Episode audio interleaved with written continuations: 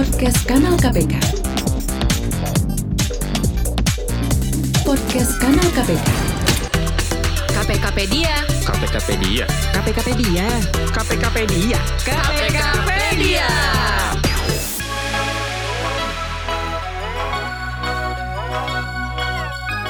Halo kawan aksi, kita bertemu lagi di podcast KPKpedia. Kali ini bersama saya Budi Adiputro, bisa dipanggil Budi, bisa dipanggil Didit, asal jangan dipanggil KPK ya. Eh, bahaya banyak yang ngeri. Kali ini saya akan ajak kawan aksi semua untuk ngobrol-ngobrol tentang Jaga Data Challenge. Kawan aksi mungkin sudah mengenal atau justru belum tahu sebenarnya apa aplikasi Jaga. Nah, Jaga atau Jaringan Pencegahan Korupsi Indonesia adalah inisiasi dari KPK dalam mendorong keterbukaan data publik. Dalam aplikasi Jaga ini tersedia data dan informasi dari sektor pelayanan publik yaitu sektor pendidikan, desa, fasilitas kesehatan, perizinan dan juga penanganan COVID-19. Nah, kalau kita membahas soal data nih, eh, Jaga ini baru-baru ini meluncurkan Jaga Data Challenge. Apa sih Jaga Data Challenge? Nah, sudah ada bukan saya yang akan menjelaskan, sudah ada ahlinya eh, mungkin eh, bidannya yang melahirkan Jaga dan juga Jaga Data Challenge ini sudah ada Bapak Pahala Nainggolan, Deputi Pencegahan dan Monitoring KPK. Selamat pagi, siang, sore, malam, Pak. Pagi, Bud. Iya, karena ini podcast Pak bisa didengarkan pagi, siang, sore, malam. Oh, jadi kita iya. samanya Iya, iya. pagi, siang, sore, malam. Saya juga mau 24 lupa. ya. Iya.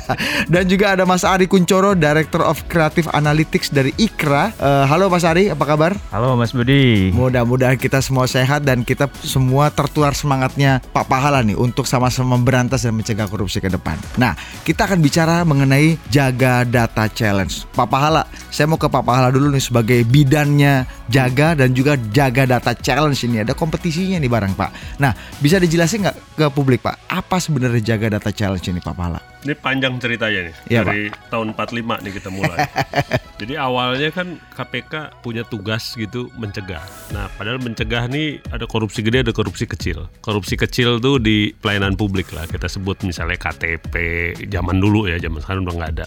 Yang paling sering kita lihat izin trayek deh di kabupaten kota. Nah ini kan juga mesti dibenahin nih. Nah waktu itu kita bilang gimana kalau semua sektor pelayanan publik datanya kita buka. Nah ini ada di jaga.id yang disebut Budi tadi ada semua tuh kampus misalnya. Iya. Itu lengkap tuh prodinya apa aja gitu, anggarannya berapa, pendidikan apalagi. Bos itu sampai 400 ribu sekolah. Iya. Ada semua data bosnya. Tiap sekolah dapat berapa, komponennya berapa gitu. Jadi untuk transparansi publik sebenarnya Iya. Pak ya? Awalnya itu. Ah. Jadi kita bilang gini, jangan ngomel aja. Lihat dulu sekolah sebelah, lihat dapat bos berapa, gurunya berapa. Atau yang pada kuliah nih, gitu. Jangan bilang fasilitas kurang, lihat dulu kampusnya gitu kan apa ada punyanya, duitnya berapa segala macam dan lihat juga kampus sebelah misalnya gitu. Nah, udah jalan sekitar tiga tahun nih data bagus banget. Bukan KPK loh yang bikin datanya. Kita datang ke Dikbud dikasih data, datang ke Kemenkes kasih data gitu ya. Jadi kita pikir ini sayang juga nih data nih. Cuma jadi barangnya cuma dilihat gitu kan. Padahal kan dia bilang gini, pencegahan korupsi itu syarat utamanya harus ada partisipasi masyarakat. Oke. Nah, kita bilang gini, nah ini kita suruh masyarakat partisipasi nih supaya jangan ngomel BPJS kok jelek di puskesmas Iya. gitu kan. Iya. Di sekolah kok bos masih kurang gitu. Daripada ngomel-ngomel lu lihat datanya. Oke. Coba deh bikin sesuatu. Oke. Makanya jaga data challenge sesederhana itu. Oke. Jadi ini data kita sediain, data pelayanan publik, ada yang tadi disebut ada pendidikan, kesehatan, Iya. sampai seluruh Pemda 542 ada datanya gitu, perizinannya kayak apa gitu. Ini data beneran nih, data Iya. resmi. Nah. Data resmi nih, bukan bukan ini ya kita bilang kita nggak mau ngolah itu, bukannya nggak mau, ya nggak punya tangan juga. Hmm. Iya. sekarang partisipasi deh, gitu kita bilang kita bagi dua nih kategorinya, yang mahasiswa sampai Hmm. satu, sama yang umum anak S2 segala. Kita bilang bikin penelitian, sederhana aja nih, jangan Iya. pikir penelitian kayak kelas LIPI, bukan. Tapi ujungnya rekomendasi perbaikan apa untuk pelayanan publik dengan real kan. Oh, Ngom- melihat dari data yang Iya. ada di Jaga tadi ya. Data se-Indonesia boleh, data di kampungnya doang boleh, Iya. di kabupatennya boleh, data jaga aja boleh, Iya. dikombinasi dengan data BPS silakan. Oke. Gitu. Nah, sebelum masuk ke kompetisi nih Pak, aku pengen tarik dulu ke asbabunuzulnya nih Pak. Sebenarnya KPK apa sih Pak asbabunuzulnya atau niatannya sebenarnya KPK tuh harus mengkoleksi data yang super lengkap. Apa tujuannya sebenarnya dan bagaimana KPK membangun pendataan ini selama bertahun-tahun gitu Pak? Tujuannya supaya transparan aja. Karena salah satu aspek pencegahan itu transparansi. Kita nggak usah beresin pelayanan publik perizinan susah-susah nggak usah. Buka aja transparan semua Ya. digital online beres sendiri. Hmm. Namanya kita bilang transparansi supaya masyarakat ikut partisipasi. Jangan bilang KTP dipungut duit dipungut duit di mana coba yang dipungutnya, gitu kan? iya, iya. Ngadu misalnya gitu. Ya itu ada dijaga. Jadi kita bikin itu tapi sekali lagi bukan data KPK. Kita nggak pernah ngumpulin data. Oke. Kita datang ke Dikbud dikasih bos se-Indonesia. Oke. Kita datang ke Kemenkes dikasih data puskesmas se-Indonesia dan anggarannya berapa. Hmm. Ini pokoknya data dahsyat banget nih. Iya. Kalau yang yang mau pengen lihat-lihat data dan selain data, Dan itu bisa diakses publik ya Pak ya? publik bebas mengakses. Dia ada dua komponen. Hmm. Satu ada datanya, satu ada cara bacanya. Oh. Gua pengen tahu COVID kayak apa. Gitu. Hmm. Baca dulu di situ bahwa yang gratis COVID itu semua yang masuk ke rumah sakit. Iya. Gua pengen tahu misalnya bansos. Iya. Siapa yang boleh dapat? Jadi ada komponen literasinya, Ya. baru datanya. Oke. Kita harapkan jadi orang nggak langsung baca data kecuali ngerti. Oke. Tapi kalau nggak ngerti, baca dulu literasinya. Nah. Jadi ada bagian itu tuh, bos kayak apa, perizinan kayak apa, baru baca data. Oke. Habis itu silakan diolah. Ujungnya dengan ja- jaga data challenge, ujungnya dianalisa, ujungnya perbaikan pelayanan publik. Jadi kita mau dorong semua rekomendasi yang perbaikan pelayanan publik. Misalnya nih, udah diolah datanya di Kabupaten Tulungagung ternyata gitu Iya, ya, iya. bosnya naik tapi UN-nya rendah semua. Ini ada yang salah nih, gitu kan? Hmm. Ada yang nggak nyambung ya Pak ya? Nah, Benar. silakan masukin jaga data challenge. Kalau menang kita janji kita sampaikan ke Bupati Tulungagung, eh ini penelitian baik nih, Iya, gitu iya, kan. iya. Coba dibenerin misalnya gitu. Iya ya. Jadi itu bagian KPK tuh. Jadi ada partisipasi publik. Jadi Harus. ujungnya di publik Pak sebenarnya Pak ya. Oke, Mas Ari melihat eh, jaga data challenge ini seberapa penting sih sebenarnya kemudian ada analisis data di sektor-sektor publik. Sebelum nanti gua akan kembali lagi ke Pak Pahala nih. Oke, terima kasih Mas Budi pertanyaannya ya. Jadi apa yang disampaikan oleh Pak Pahala tadi bahwa data itu memang menjadi sumber yang saat ini sumber dari segala sumber agar nanti pemerintah bisa mengaplikasikan kebijakan mereka gitu ya. Jadi pertama-tama sih agar nanti pemerintah bisa menghasilkan keputusan yang lebih berdasar gitu, lebih berdasar berdasarkan data. Karena dengan adanya data artinya orang-orang yang nanti akan melihat kebijakan yang nanti dilakukan oleh pemerintah itu mereka jadi nggak terlalu banyak dalam tanda kutip omelan gitu ya Mas Iya, ya. iya. Kemudian yang kedua pemerintah tuh bisa mengenal masyarakat dengan lebih baik. Kenapa? Karena kalau misalkan pemerintah know uh, the people better gitu ya, nanti mereka juga bakal tahu kira-kira masalahnya tuh apa aja sih berkaitan dengan data-data yang ada. Kemarin tuh uh, saya ngasih contoh juga ya Mas ya, bahwa kalau misalkan kita tahu nih sebenarnya per provinsi ini ada datanya di BPS. Per provinsi itu ada tingkat keterampilan terkait dengan teknologi informasi ya, teknologi informatika dan komputer. Nah, provinsi-provinsi mana yang TIK-nya tinggi, TIK-nya yang rendah keterampilannya. Nah, jadi uh, pemerintah pusat juga bisa memetakan itu kebijakan-kebijakan yang mestinya nanti bisa diterapin juga. Jadi untuk tahu obatnya apa untuk penyakit tertentu kita harus tahu dulu penyakitnya apa nih yang pas untuk apa namanya sektor-sektor tertentu gitu Mas. Iya bener banget. Ah, ya kayak dokter lah ya. Kalau Iya. misalkan kita ke dokter kan kasih tahu keluhannya dulu kita ke dokter kan Iya. ya. Jadi keluhannya apa pak? Nah nanti pemerintah juga sebaiknya juga berdasarkan data juga untuk Iya. mengetahui keluhannya. Lalu yang terakhir ya dengan adanya data bisa ngefisiensiin anggaran mas. Bukan berarti harus cutting cost ya, tapi anggarannya bisa tepat guna gitu nanti menyelesaikan sesuai dengan prioritasnya. Mas Ari, data apa aja yang kemudian penting untuk dianalisa oleh publik sebenarnya? Oke, sebenarnya kan Untuk pemberantasan korupsi, pencegahan korupsi seperti tadi Pak Pahala katakan dalam konteks ini ya. Oke, bener banget. Jadi banyak banget data-data yang tersedia ya, selain tadi yang sudah disebutkan oleh Pak Pahala ya. Em, kalau Mas Budi ngelihat di websitenya BBS itu kan banyak Ya. banget uh, kategorisasinya kayak di pendidikan, kesehatan, dan pokoknya yang dalam ranah publik lah ya. Ya. Pendidikan, kesehatan, kependudukan juga. Nah itu penting banget lah ya buat pemerintah mengenal rakyatnya gitu.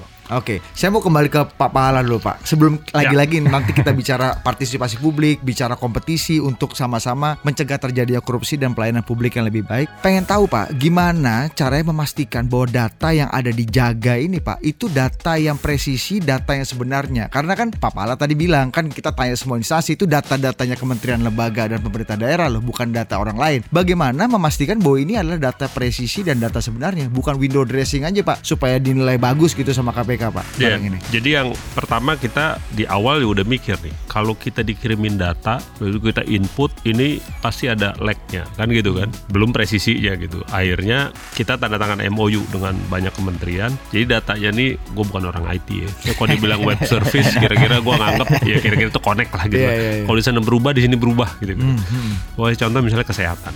Jadi ada sekitar 8.000 atau 10.000 puskesmas se-Indonesia Hmm, gitu kan. Ini siapa yang mengumpulin datanya? Ternyata Hmm. BPJS ngasih duit namanya dana kapitasi ke semua puskesmas. Nah, ini kita pikir masyarakat harus tahu juga. Puskesmas itu dimodalin BPJS. Oh. BPJS kesehatan. Iya, kan. iya, iya. iya. Dana kapitasi ini ada formulanya segala macam, lumayan. ya Hmm. kan? Nah sekarang Pemda membawahi puskesmas. Puskesmas. Nah kalau pelayanan puskesmas jelek, itu kita tahu sekarang kalau habis ngeliat jaga protesnya ke mana? Ke Pemda, bukan ke Kemenkes, Hmm. Betul. gitu kan? Datanya dari Kemenkes dan BPJS memang soal kapitasinya. Iya. Tapi dilihat dong di situ kan ada jumlah dokter, ada jumlah perawat. Ini kita kalau data kita bilang kita garansi lah nih data pemerintah, bukan garansi KPK menjamin 100% enggak. Ya. Kita garansi itu data asli dari kementerian, Hmm. dari BPJS yang ngasih duit beneran.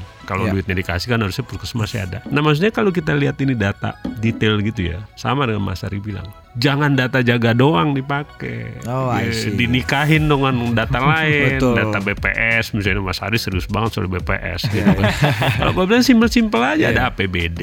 Ya. Ini daerah gua gue bandingin sama tetangga daerah kaya nih. Hmm. APBD-nya kaya. Tapi kok jumlah perawatnya dibanding kampung sebelah rasio dengan penduduk Iya. kok dikit nih. Hmm. Nah gitu. Jadi komponen itu paling sederhana ya udah gitu udah bisa kepikir kan. Berarti pelayanan kesehatan nggak mungkin dia baik Hmm. karena perawatnya sedikit Iya. iya. dokternya sedikit. Itu kan Pemda yang merekrut gitu. Jadi membandingkan dengan tetangga boleh, nasional boleh gitu. Ya. Tapi kalau saran dari KPK sih data ini harus dinikahin dengan sumber data lain yang sama-sama reliable. BPS sangat reliable. Data APBD bisa dijaga juga ada APBD. Iya, iya. Gitu kan. Jadi kita mau tahu daerah kaya miskin tuh lihat pendapatan asli daerahnya misalnya. Jumlah penduduk ada demografi. Iya. gitu. Gua sih pengen banget ngasih coach ini aja nih yang deket gitu ya Iya, karena iya, nggak iya. apa- tapi tidak boleh data jaga doang kering dia Kering. Dan harus ada- dikawinin supaya lebih kaya dan Iya. lebih kompleks. Termasuk juga ini jadi penting juga untuk korlap demo pak. Iya. Jadi nggak harus ke Jakarta pak. Bisa dilihat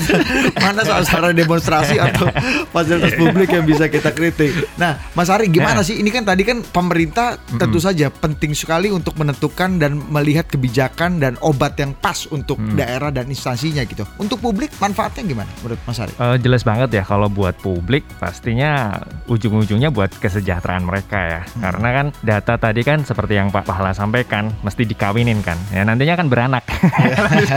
Iya iya iya. Anak-anaknya tuh bakal jadi sangat-sangat berguna juga kalau kita rawat dengan baik-baik gitu ya. Hmm. Artinya tetap di maintain datanya, terus diupdate, kemudian bisa jadi semacam insight-insight yang sangat-sangat actionable gitu. Ya. Jadi em, yang aku tadi bayangin ya kalau misalkan nanti ada data dari APBD gitu ya. Ya. APBD kan kita bisa lihat juga dari Kementerian Keuangan sebenarnya itu udah tersedia ya Hmm. Pak ya. Nah tentunya itu akan jadi hal yang sangat menarik buat masing-masing daerah apalagi di pelosok atau di mana pun lah ya nggak harus pelosok juga. Mereka bisa selain membandingkan juga mengetahui tren ke depannya gitu. Nggak Hmm. hanya semacam uh, historical Iya, analysis iya, iya, tapi iya. juga predictive analytics sehingga nanti mereka juga udah siap-siap nih. Oh anggaran ke depan mau sekian ya berapa persen yang Betul, lebih betul. Digedein gitu apakah pendidikannya ataukah pariwisatanya gitu. Iya, iya. Jadi um, bakalan keren banget sih nanti manfaatnya besar banget. Jadi bagaimana data ini jangan sampai kering tadi harus Benar. dikawinkan dengan banyak data lain sehingga manfaatnya juga eh, lebih gitu ya. Pak, ini masyarakat bisa kontribusi gimana nih Pak? Kalau kita bicara mengenai jaga data challenge, apa yang Pak Pahala dan KPK bayangkan bisa dilakukan, bisa ditelurkan dan bisa diinovasikan oleh publik, terutama anak-anak muda nih Pak kan banyak anak-anak yang Iya, betul, teman-teman gue banyak yang lagi mau S2 nih Pak, ya kan? Siapa benar. Tahu nih bisa berkontribusi. Kadang-kadang Iya, kita berpikir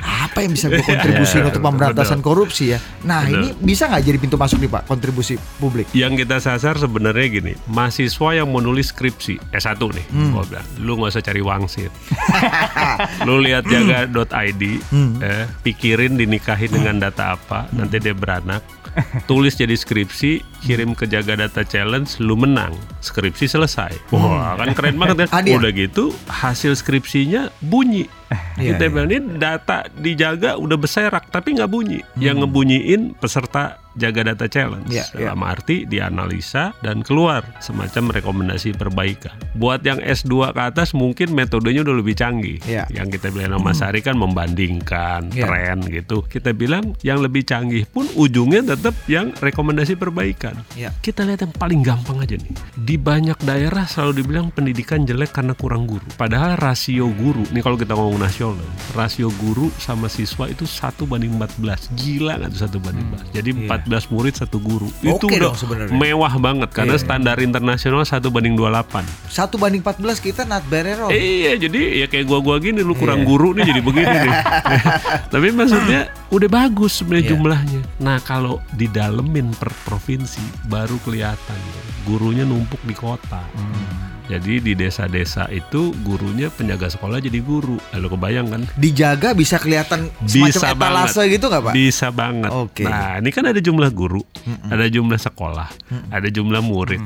Situ aja lu analisa, nih rasionya berarti salah nih. Hmm. Jumlahnya cukup, sebaran yang salah. Ya. Nah kalau misalnya mau bikin rekomendasi, protes sama bupati. Bupati, ini lu geser dong nih guru-guru nih ke desa-desa. Masa jadi penjaga sekolah jadi guru di desa kan? Eh, Udah kebayang terjadi apa itu. Nah itu gunanya yang kita bilang tuh. Jadi Oke. datanya dibunyiin, dinikahin dulu dengan data yang lain. Begitu udah bunyi, dia boleh buat skripsi, buat boleh tesis, buat Iya. paper, buat apa pun. Tapi kita jamin berguna. Iya. Karena nanti kita sendiri loh yang nyampein ke Pemda masing-masing rekomendasi perbaikan itu. KPK sendiri. Nah, men- eh, menarik nih Pak. Apa kontribusi dan bantuan KPK Pak? Pertama, supaya data ini tidak parkir gitu Pak ya Hmm, dijaga. Yang kedua, bagaimana eh, orang-orang atau mahasiswa-mahasiswa Pak yang pengen bikin makalah akademik supaya bisa betul-betul dibantu dan ujungnya Pak tadi Pak punya manfaat, ada Iya, faedahnya barang ini benar, Pak. benar. Gimana jadi, Pak? Jadi ini data kita sediain, kompetisinya kita sediain. Nanti kalau udah jadi hasil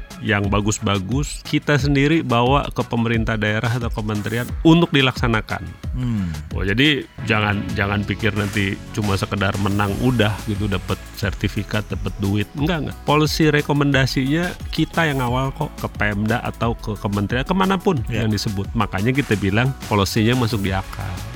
Jangan disebut gini. Maka kami rekomendasikan agar kualitas sumber daya manusia di Kabupaten Tulungagung, kenapa Tulungagung mulu sih gue juga ngerti gue, agar ditingkatkan. Iya. Ya susah nih. Betul, Maksud betul. lu apa? Gitu kan. Tapi kalau ada agar ditingkatkan dalam sektor kesehatan, jumlah dokter ditambah.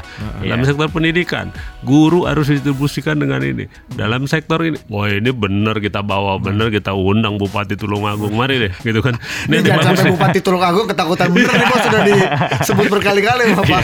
Enggak, ini nggak ada hubungannya Pak sama sama kasus Pak. Oke oke oke.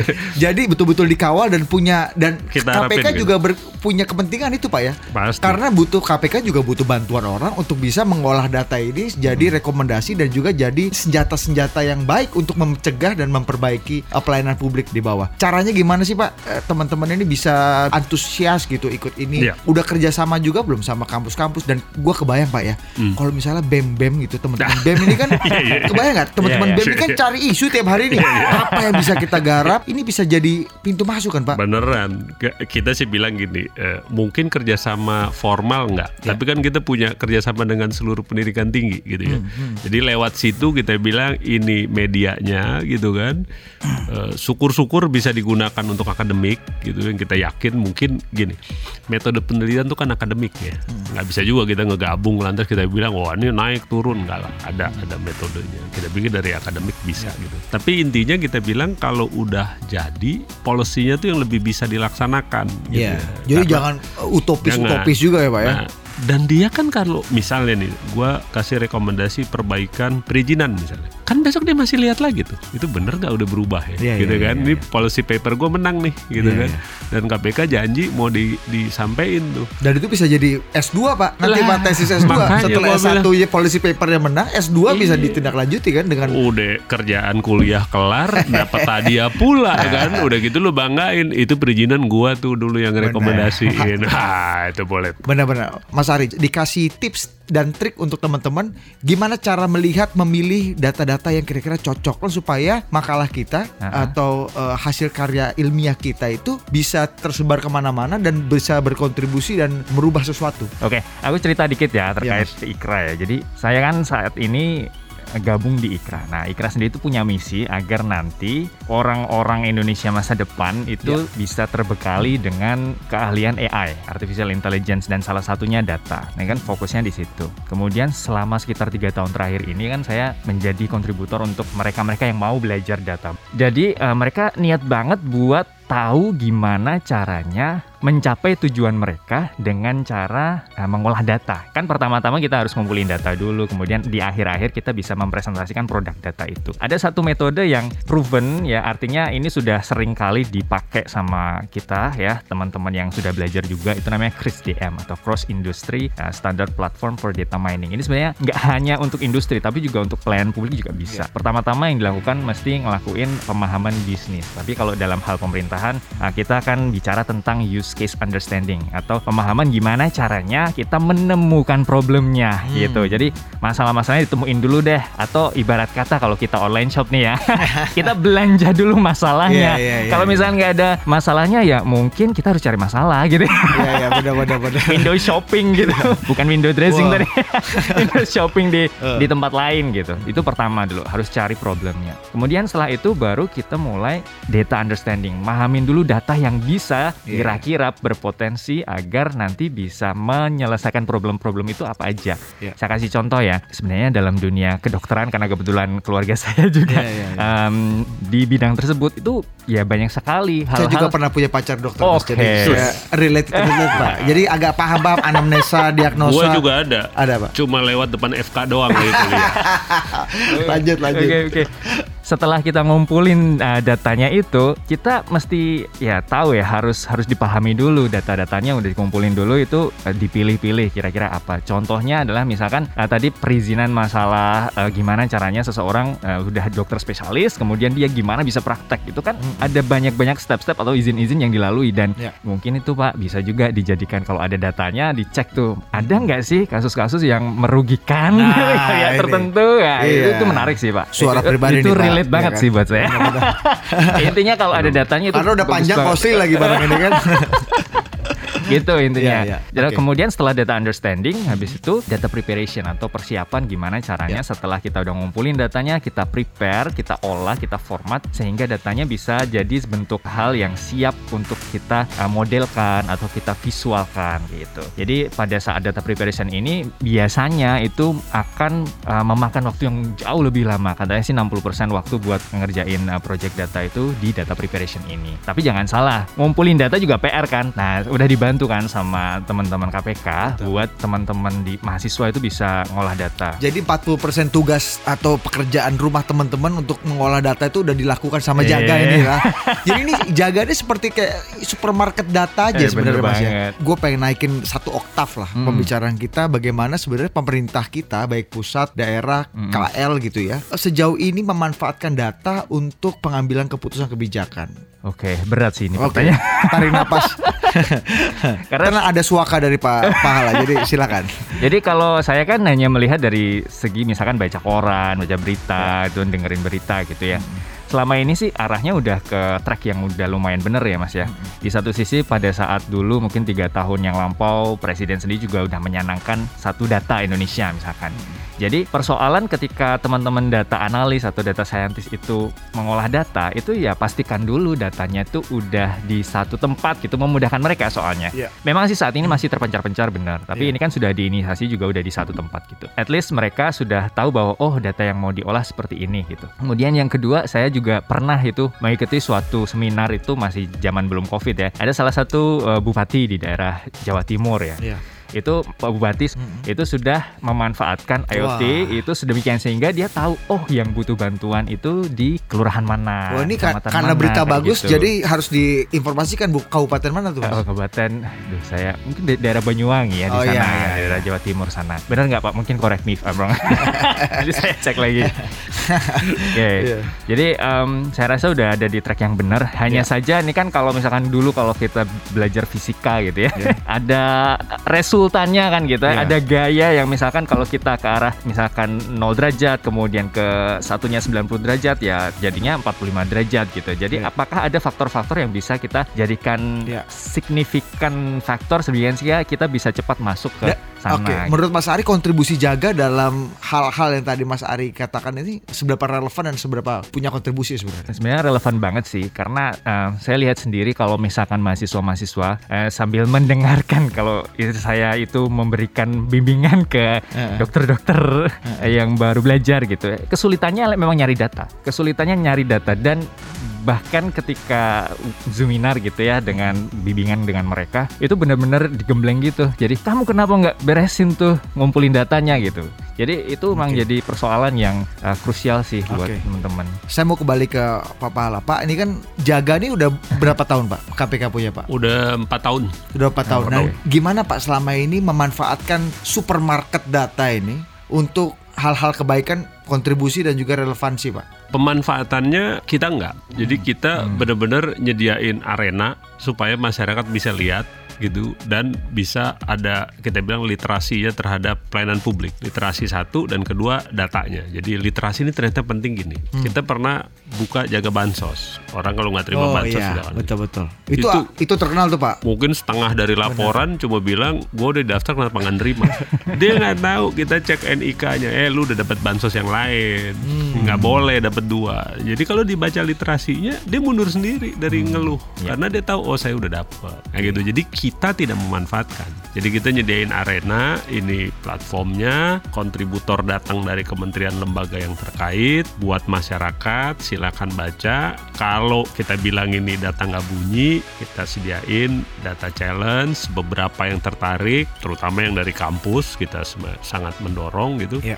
dan ini multifakultas Nah. datanya lu mau dari Dokter-dokter tadi binaannya Mas Ari bisa tuh ya? ada dia kan ada data puskesmas Iya. kalau yang duit ada dana desa ada bos Hmm. mau yang pendidikan kualitas pendidikan ada statistik inputnya kan eh, eh, guru segala macam kita sengaja bilang jangan sendiri bikinnya kan Hmm. kelompok kan dua sampai empat orang. Jadi kita coba simulasin gini nih. Dua apa berempat ngopi-ngopi ngobrol nih kita begini-begini mau lulus gimana? Lulus tapi berkontribusi. Eh lu pilih aja topiknya apa. Kesehatan pendidikan apa aja. Sengaja kelompok supaya lebih kaya. Oke. ada yang jago statistik berarti ntar lu pengolahan datanya. Hmm. gitu kan? Ada yang jago konten oke. Gua anak pendidikan misalnya. Gua tahu konten ininya eh, eh, muatan pendidikan kayak apa. Hmm.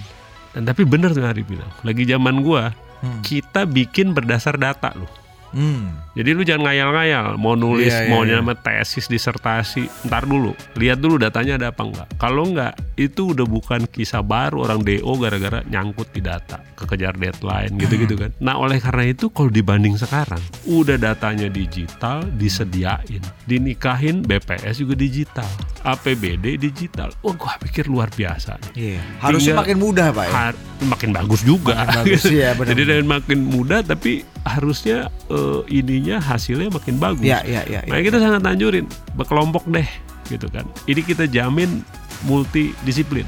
Jadi jangan bilang nih buat ekonomi doang enggak, enggak. Iya. Dengan apa aja bisa. Dan itu kita bilang kalau udah duduk nih topiknya kita udah ini kita lihat data jaga berarti kita harus nambahin data mana lagi nih data ini. Oke, kita cek aja kan langsung nih ada apa enggak gitu BPS yang ada apa yang gratis misalnya gitu kan. Udah kita tahu dah kita bayangin lah kira-kira apa nih jalan analisanya. Misalnya jalan hubungan, ini yang Iya. paling sering kan sebab Iya. akibat gitu. Kenapa indeks pembangunan manusia di kampung gua rendah? Karena kita duga nih puskesmasnya jelek, sekolahnya jelek, bener nggak sih? Lihat datanya, ternyata bener. Nah, ini kan jadi Nyambung kan nih barang nih. itu hubungan Ya. sebab akibat. Ada juga membandingkan dengan kampung sebelah atau kampung yang lain gitu kan. Misalnya ini daerah kita segini indeksnya. Kenapa sebelah kok lebih tinggi? Padahal gitu kan kita resource-nya lebih banyak. Iya. Berarti ini salah mengalokasikan APBD. Iya. APBD kita cuma banyak buat gapura sama gedung. yang kampung sebelah buat Iya. tambahan, nyekolahin pegawainya ke luar negeri. Iya, iya. Ya gitu kan tuh cakep bener tuh kalau dijadiin bahwa ternyata pengalokasian APBD gitu itu efeknya buat pelayanan publik ada banget. Oke, Pak, kalau ada mahasiswa nanya gini, wah kira-kira Mas Budi saya bakal menang nggak ya kalau nggak cuma pakai data dari jaga KPK, bisa kita ambil juga data-data lain di makalah atau di karya ini, bakal menang nggak tuh Pak? Bisa nggak tuh? Atau disarankan malah? Disarankan. Hmm. Jadi kita justru bilang jangan data ini aja, harus dinikahkan dengan data lain supaya dia lebih bunyi. Hmm. Justru kita menyarankan banget, menyarankan banget, karena Oke. kita tahu kalau data ini saya ini data statik yang yang cuma kayak motretnya gitu, truk gitu. Udah gitu ada tren paling tiga tahun gitu. Ya. Udah, tapi akan lebih kaya. Misalnya gini nih, bener nggak sih perizinan di kabupaten, eh, di kota ini lebih baik gitu? Udah dianalisa datanya, turun aja lah sekali-sekali ke kantor perizinan PTSP gitu Ya. Bener nggak sih nih kita bilang membaik selama lima tahun ini? Kita tanya sama orang kan lu dipungut duit nggak? Berapa waktu pas nggak? Gitu kan? Jadi ada verifikasi lapangan juga yang jalan ini kan ya. yang memperkaya data nih. Benar, jadi benar. bukan data-data yang yang bener-bener harus data eh, Jaga. elektronik. Nggak turun aja survei. Kan ada kan di metode penelitian tuh Iya. hasil kuantitatif perlu juga di diverifikasi dengan interview misalnya. Bener nggak lu ngurus izin trayek sekarang nggak dimintain duit misalnya? Eh, itu kan simple aja interviewnya dan apalagi sekarang dokumentasinya gimana? Gampang bener lu foto aja truk udah di buktinya gitu aja. Iya. jadi kita sangat menganjurkan itu di dicampur dengan data lain termasuk dengan interview untuk memastikan bener nggak gitu Oke. di masyarakat jadi itu itu di penelitian itu udah hal yang biasa hanya Jadi yang jangan khawatir ya Pak ya kalau wah kalau gua gabungin sama data yang lain KPK marah nanti nih. Ah, gua nggak jadi menang. Ah. Nggak nggak gitu tuh Pak ya. Kalau menang nggak jaminan. Ah, Tahu gue disangka nggak jawab. Iya, gitu. benar, Tunggu benar. ditagih lagi. Tapi maksudnya kita anjurin orangnya kelompok Siap. supaya lebih kaya. Oke. Datanya data-data lain digabung termasuk interview di lapangan supaya lebih solid Oke. gitu kan eh, eh, rekomendasinya. Tapi kita bilang menang enggaknya kita lihat kualitas rekomendasinya. Akan Policy. ada berapa Pak yang menang Pak nanti? Yang menang ada seingat gue, gue ingetin juara pertama doang ya. Ada yang 10 juta, ada tiga tiga pemenang ya. apa? Iya. Tiga pemenang. Pokoknya ada beberapa pemenang lah. Pokoknya buat karya sebagus-bagusnya, per- pergunakan data sebaik-baiknya dan bekerja sama kolaborasi tadi Pak. Ini gue ngebayangin nih, udah tesisnya lulus, menang dapat 10 juta, lu besok lu nikahan, lu ngelamar, gue diterima langsung. Modalnya 10 juta. Iya, iya, iya, iya. Ini gue ngebayangin. Tapi maksud gue, ayo dong kita obrolin yang ada isinya dikit gitu loh ya. Sambil ngopi, lu lihat sebelah gitu kan. Aku sih ngebayangin ya Mas Iya. ya ini kalau bem-bem yang setiap hari Iya. lagi tag Oh, club iya bener. dan untuk demo nih apa kontribusi gua nih bisa ini ikut kompetisi ini tuh Anda bisa kontribusi yang real Bener tanpa banget. harus nyewa Metro Mini kan untuk pergi ke KPK. Paling Nggak yang keluar duit. diteriakin, yang diteriakin mutu. Benar. Gitu kan, Nah. jangan jangan minta nurunin bupati. Ah, lu milihnya aja susah lu gampang. Tapi bilang lu Pak Bupati, lu alokasiin lebih baik dong. Betul. Dan- jangan bangun gapura doang. Itu Ah, pasti Pak diterima bupati diajak ngobrol diajak diskusi. Ya kan itu itu itu cara masuk kita sebenarnya. ya. Ini ini ini ini harus didengerin nih teman-teman mahasiswa nih terutama apa aktivis-aktivis ya. Ini pintu masuk Anda untuk bertemu dengan pejabat-pejabat dan berdiskusi dan memasukkan ide-ide pembaruan Anda kepada instansi kementerian lembaga atau pemerintah daerah yang Anda datangi. Nah, Pak Pala terakhir nih Pak. Selain kompetisi data pelayanan publik kan juga ada kompetisi maskot challenge. Nah, ini apa barang ini Pak? Bisa dijelasin nggak Pak? Karena kita pengen data challenge nih jadi semacam lu kalau bikin skripsi tesis tuh kan jalur akademik ya. Ini semacam jalur paralel gitu ya yang datanya lebih kaya tapi lebih membumi policy hasil penelitiannya. Nah makanya kita ingin supaya ada maskotnya tuh supaya kalau tiap tahun kita bikin tuh nggak kayak gini lagi nerangin. Jaga data challenge adalah lu begitu lihat maskotnya udah tahu nih KPK ngerol ginian. Ya, ya, gitu benar, kan. Nah, itu, itu maskotnya itu. Jadi kita sangat kita bilang kalau kita bikin maskotnya bisa aja. Tapi besok kita nerangin lagi kan, ini maskot adalah Capek dua kali ya. kerja. Benar, benar, benar, Mending bilang aja dijaga data challenge ini yang menang maskotnya si ini. Gitu. Iya. Budi menang. Gitu. Dari ada situ kita bisa lihat dari dari situ kita bisa lihat apa kontribusi dia dan Betul. karya dia pak ya. Iya. Itu tadi menggunakan data untuk kontribusi dan membuat semua data-data itu tidak teronggok pak. Ini bagian dari literasi data juga nih pak ya. Setuju gua. Jangan sampai teronggok di supermarket. Supermarket kayak ini kan bahan-bahan mentah kan mas. Harus Benar banget. dimasak jadi makanan yang enak. Benar. Terakhir mas Ari, apa ajakan anda? Seberapa penting teman-teman mahasiswa, terutama orang yang ingin berkontribusi dan membuat pemberantasan korupsi ini relevan gitu ya, pelayanan publik relevan, harus ikut jaga data challenge ini. Oke, kalau menurut aku sih ini bener-bener ajang yang sangat-sangat momentumnya tuh udah pas gitu ya. Ini bukan karena ada Pak Pahala kan ngomong Eh, bukan. sebagian Papa itu gitu. sebagian Sebagian karena itu. Iya.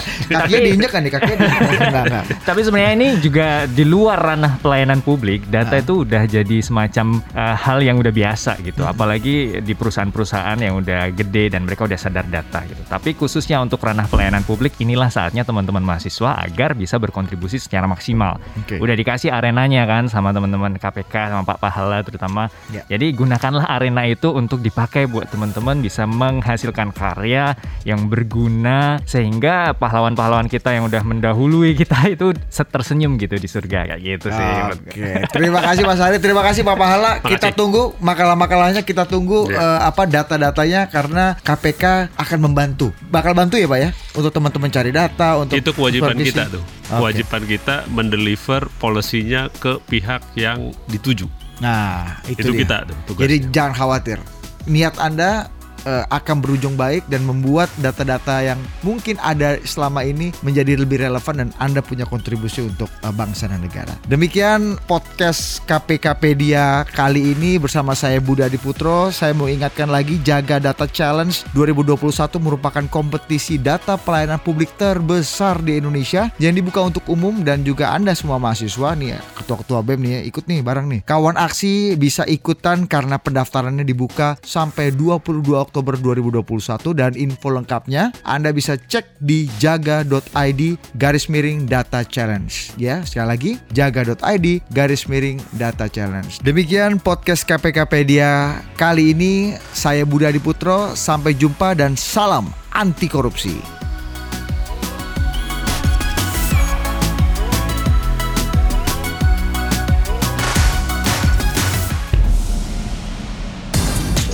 Podcast Kanal KPK. Podcast Kanal KPK.